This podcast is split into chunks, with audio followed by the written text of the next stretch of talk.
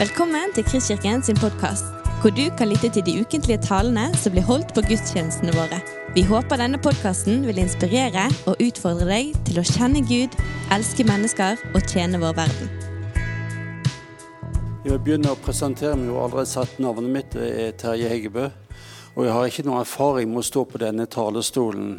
I mitt yrke har jeg stort sett arbeidet med diagnostikk og behandling av hørselshemmede og håper å komme med noen tanker som gjør det lettere å høre fra og holde seg nært vår Herre. Jeg har lyst til å be bitte litt før vi går videre. Takk, Herre Jesus, for du er med oss, og du er for oss. La oss gi deg rom til å tale til oss. Og ikke bare vi baser til deg, men at vi kan lytte på deg og vi gir din ånd tillatelse til å tale til oss. I dag skal jeg snakke litt om et veldig kjent vers med en tekst fra Jesus. Og Det er alltid utfordrende når vi kjenner teksten fra før av. Og dette er Matteus 11, 28-30, og det er tatt ut fra Bibelen 20, 2011. Kom til meg, alle dere som strever og bærer tunge byrder, og jeg vil gi dere hvile. Ta mitt åk på dere og lær av meg, for jeg er mild og ydmyk av hjerte. Så skal dere finne hvile for deres sjel. Ta mitt åk, for mitt åk er godt og min byrde er lett. Som dere ser, så står det 'hvile' faktisk to ganger i disse versene her.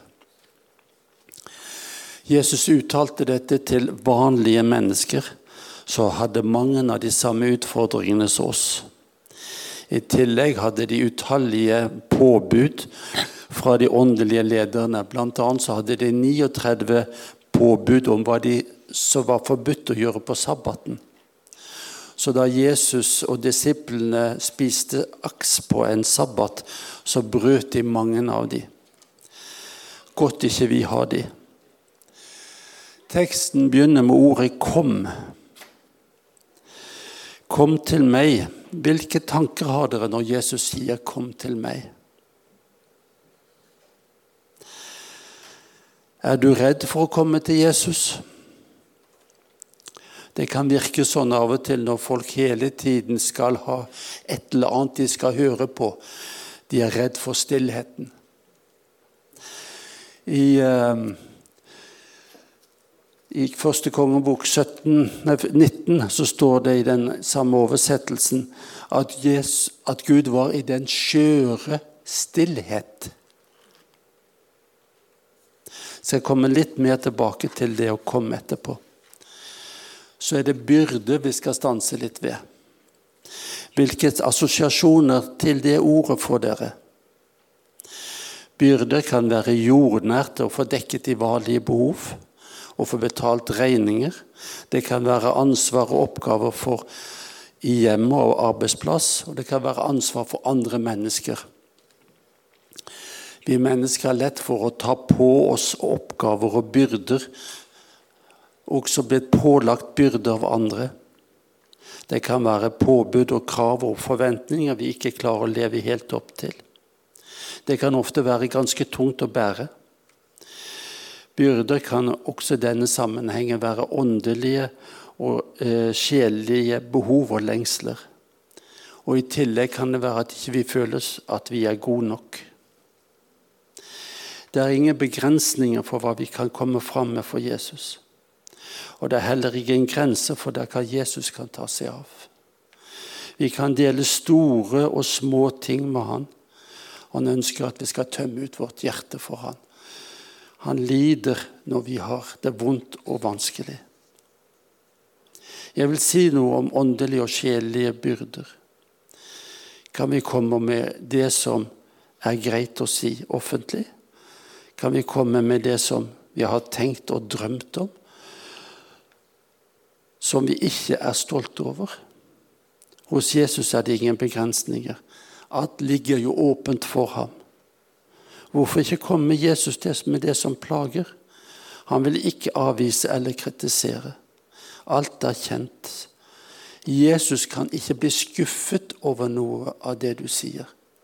Skuffelse blir man bare når det kommer noe uventet og man ikke er klar over. Jesus kan bli trist på våre vegne over at vi falt igjen, eller, vist, eller har vist manglende tro. Men skuffet kan han ikke bli når han vet det på forhånd. Han lengter at vi skal komme fram med våre byrder og nederlag. Han sier heller 'endelig kom dere fram med det'. Så vil jeg ta et vers fra Gammeltestamentet, og det er Jesajas 1, 18, og det begynner også med 'kom'. Kom, la oss gjøre opp vår sak, sier Herren. Om syndene deres er som purpur, skal de bli hvite som snø. Om de er røde som skarlagen, skal de bli hvite som ull. I Åpenbaringen 3.20, som vi ikke får på skjermen, er jo godt kjent, der han står ved døren og banker. Han ønsker å komme inn, han ønsker å slippe oss til i et fortrolig forhold. Og det står ikke på ham, det står på oss. Jesus kaller oss ofte sønner og døtre, noe som viser hans inderlige kjærlighet til oss aldri noen bebreidelse fra Jesus. Et utsagn som gjør sterkt inntrykk på meg, var da Judas kom i Getsemane for å forråde Jesus. Istedenfor å anklage han, møter Jesus han med ordet 'venn'. I noen oversettelser står det 'min venn'. For de som vil slå opp, så står det i slutten av Matteus 26. Hvis vi er flaue over noe, kan disse versene i Salme 139, 1-7, være en hjelp. Herre, du ransaker meg, og du vet. Du vet om jeg sitter eller står. På lang avstand kjenner du mine tanker. Om jeg går eller ligger, ser du det. Du kjenner alle mine veier. Før jeg har et ord på tungen, Herre, kjenner du det fullt ut. Bakfra og forfra omgir du meg. Du har lagt din hånd på meg.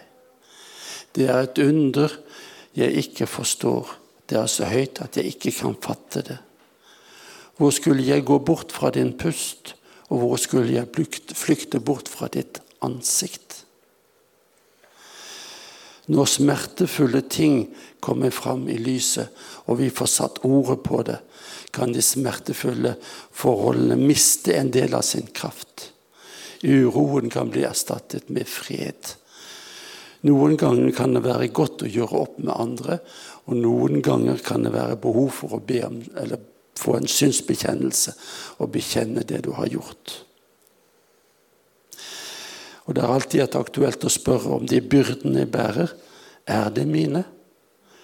kan det være noe som er pålagt meg, eller jeg har lagt, tatt på meg selv.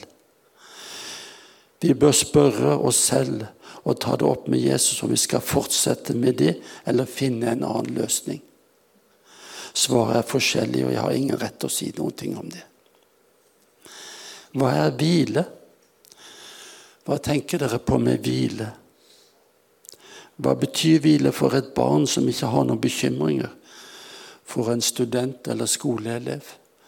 For småbarnsforeldre med full jobb, og de dras i alle kanter. Eller en voksen i arbeid uten ansvar for barn i det daglige. Eller for den saks skyld pensjonister som ikke har noen klokke hengende over seg. Eller for noen som bor på sykehjem. Noen kan faktisk oppleve at det er altfor lite som skjer. Men tror likevel at alle har behov for å hvile litt i Guds armer. For de fleste er det noe positivt med hvile. Det har noe med det her og nå. Det å kunne stoppe opp og ta, opp, ta en pause. Det kan være som en timeout i idrettsspråket. En kjent forkynner som het Frank Mangs, ble en gang spurt om det var noe han angret på. Han svarte at jeg ikke gikk mer avsides og hvilte meg mer. Jesus er opptatt av hvile. Han gikk ofte for seg selv alene med Gud. Det er kanskje den beste form for hvile. Å komme avsides og ikke være plaget av all verdens støy og uro. Så sto det senere, senere i teksten Ta mitt åk på dere. Ikke før har Jesus sagt 'Kom til meg, dere som strever og bærer tunge byrder', for han sier 'Ta mitt åk på dere og lær av meg'. Egentlig kunne det være en selvmotsigelse.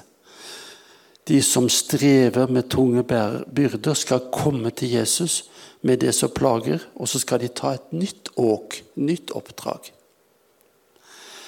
Så her er noen bilder som jeg har funnet på Internett av åk.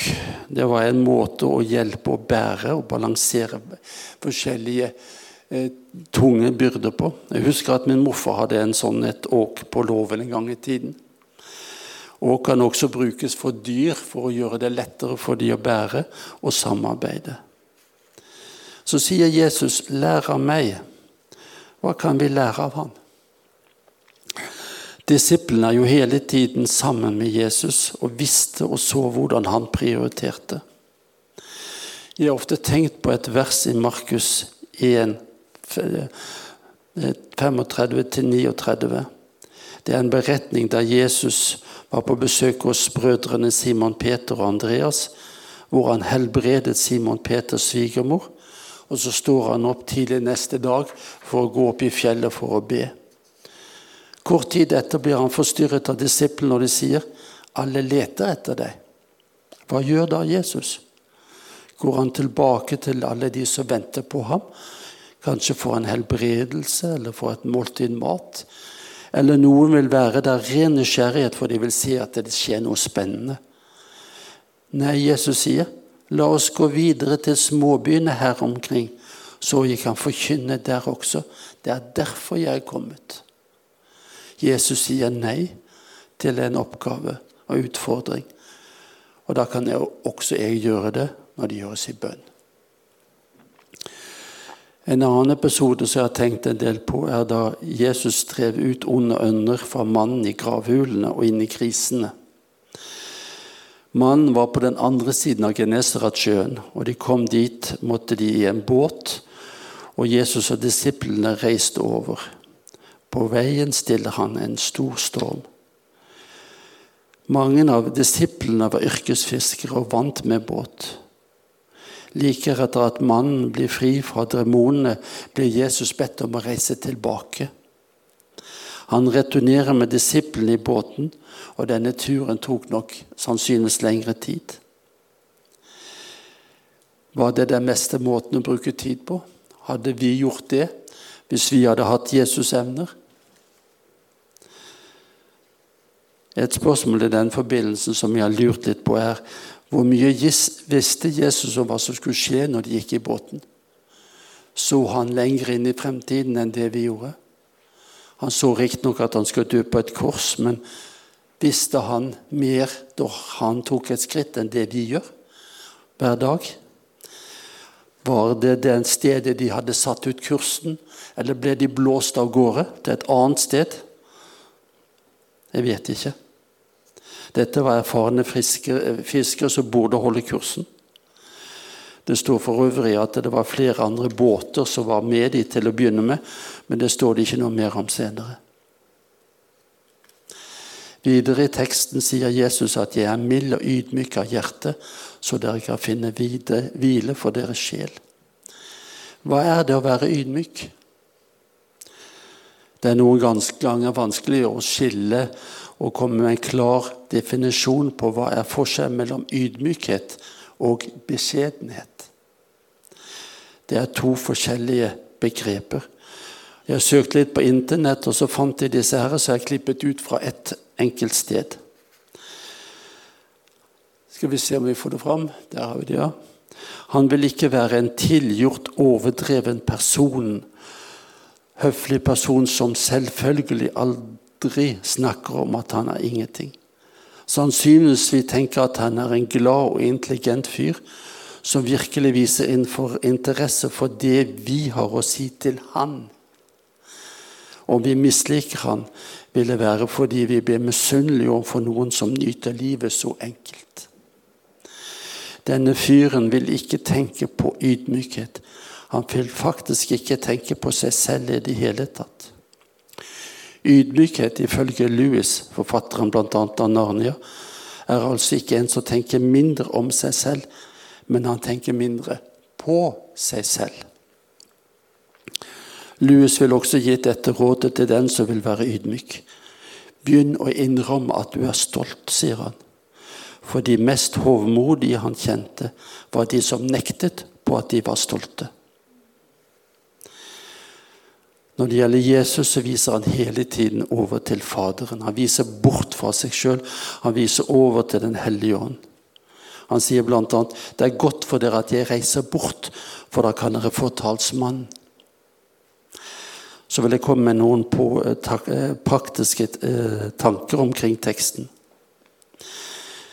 Jesus' eksempel var å gå til Faderen, deretter å være blant disiplene, og så gå tilbake til Faderen. Det er en rundgang for han, og det er også meningen at det skal være for oss. Jeg tenker at det beskriver vårt kristne liv. Komme til Jesus med byrden og gi den til ham. Deretter fortsette med de oppgavene vi har, eller andre nå i samsvar med Jesus, og forhåpentligvis også sammen med Jesus. Deretter komme tilbake til Jesus, for vi kommer til å streve før eller senere. Når det gjelder min vandring, så har jeg ofte tenkt på Davids svar til de rundt ham når han var i en utfordrende situasjon. Jeg vet ikke når han skrev det, men jeg tenker det var i tiden mellom da Samuel salvet han til konge, og at han ble til konge. Og han ble salvet før han kjempet med Goliat. I venneventetiden hadde han muligheten for å drepe kong Saul to ganger og tatt saken i sin egen hånd.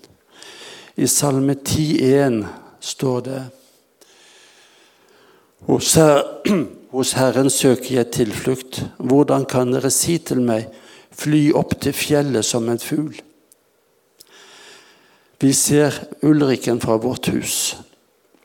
Hvis jeg skulle opp til den toppen, hadde det vært fint å ha vinger, og da kunne det gått fort og ganske enkelt. På den tiden da same David skrev dette, hadde han sine egne bein, eller han kunne bruke en hest. Hvis jeg skulle gå opp til, nå opp til Ulriken uten moderne hjelpemidler, måtte jeg gå ut døren ned veien og krysse diverse trafikkerte veier og passe på å ikke bli påkjørt. Gå rundt et hjørne og et gjerde. Jeg er glad det ikke er en tidtaker underveis, og at det ikke er en konkurranse om å nå toppen først.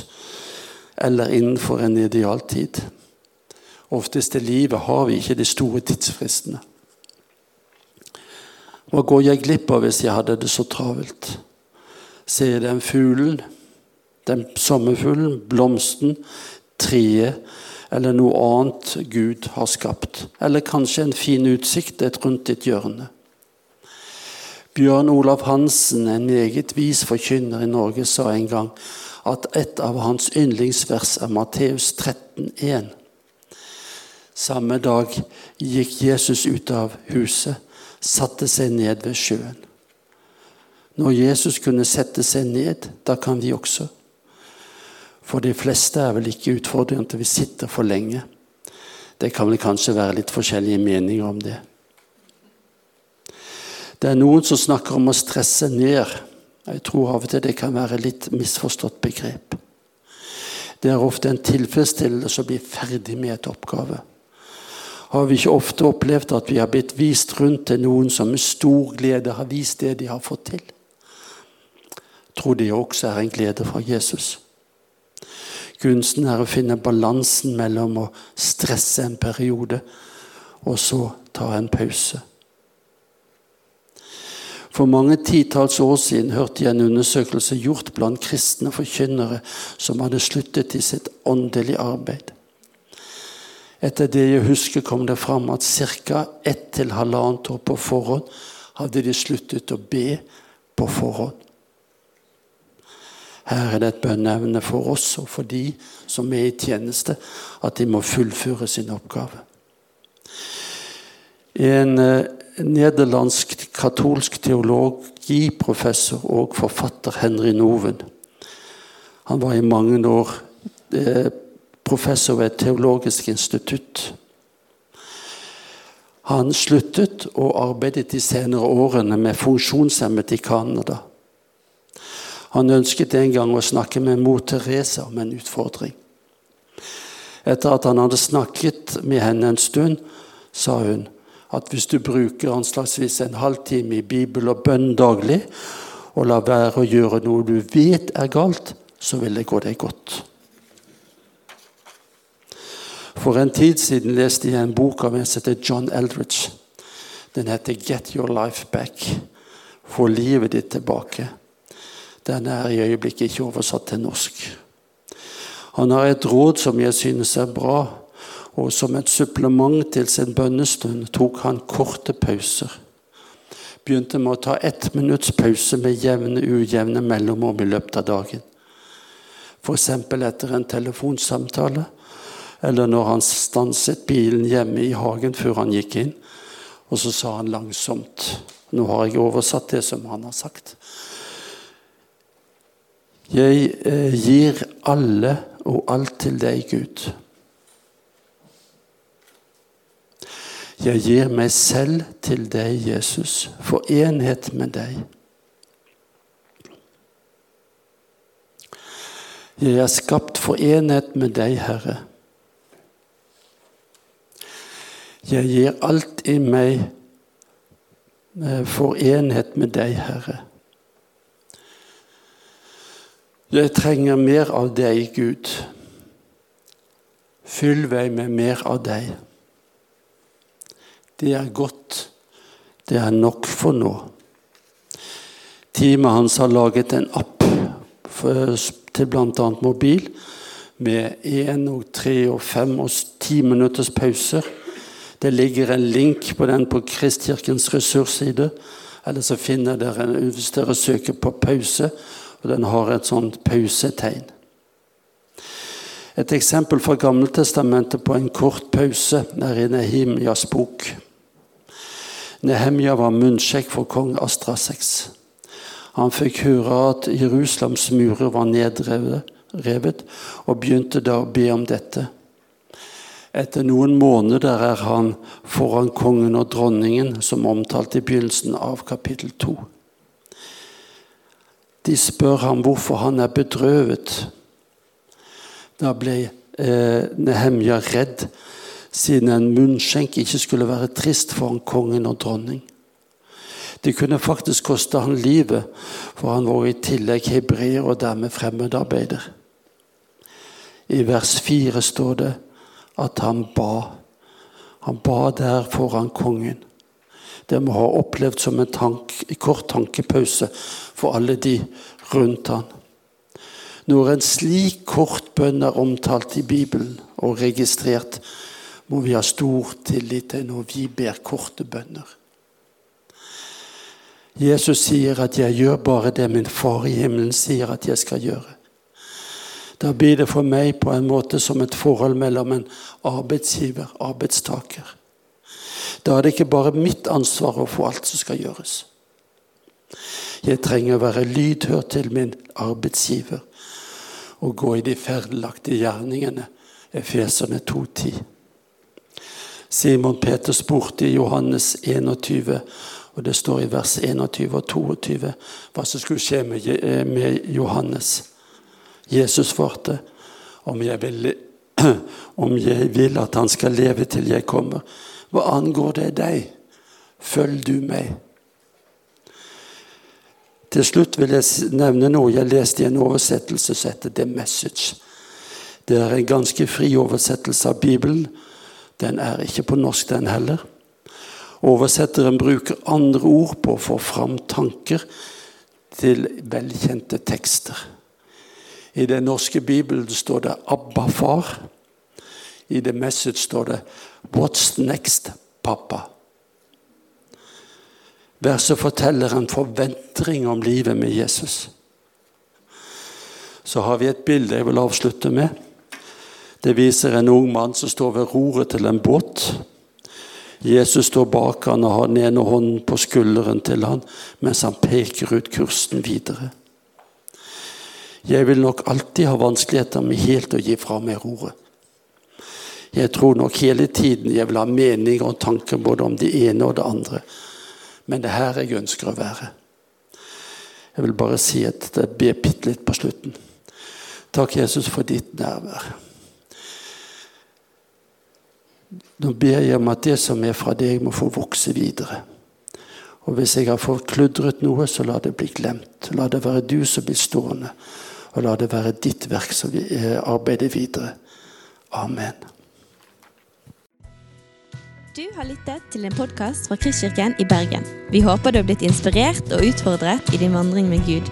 Vil du vite mer om oss, så klikk deg inn på kristkirken.no.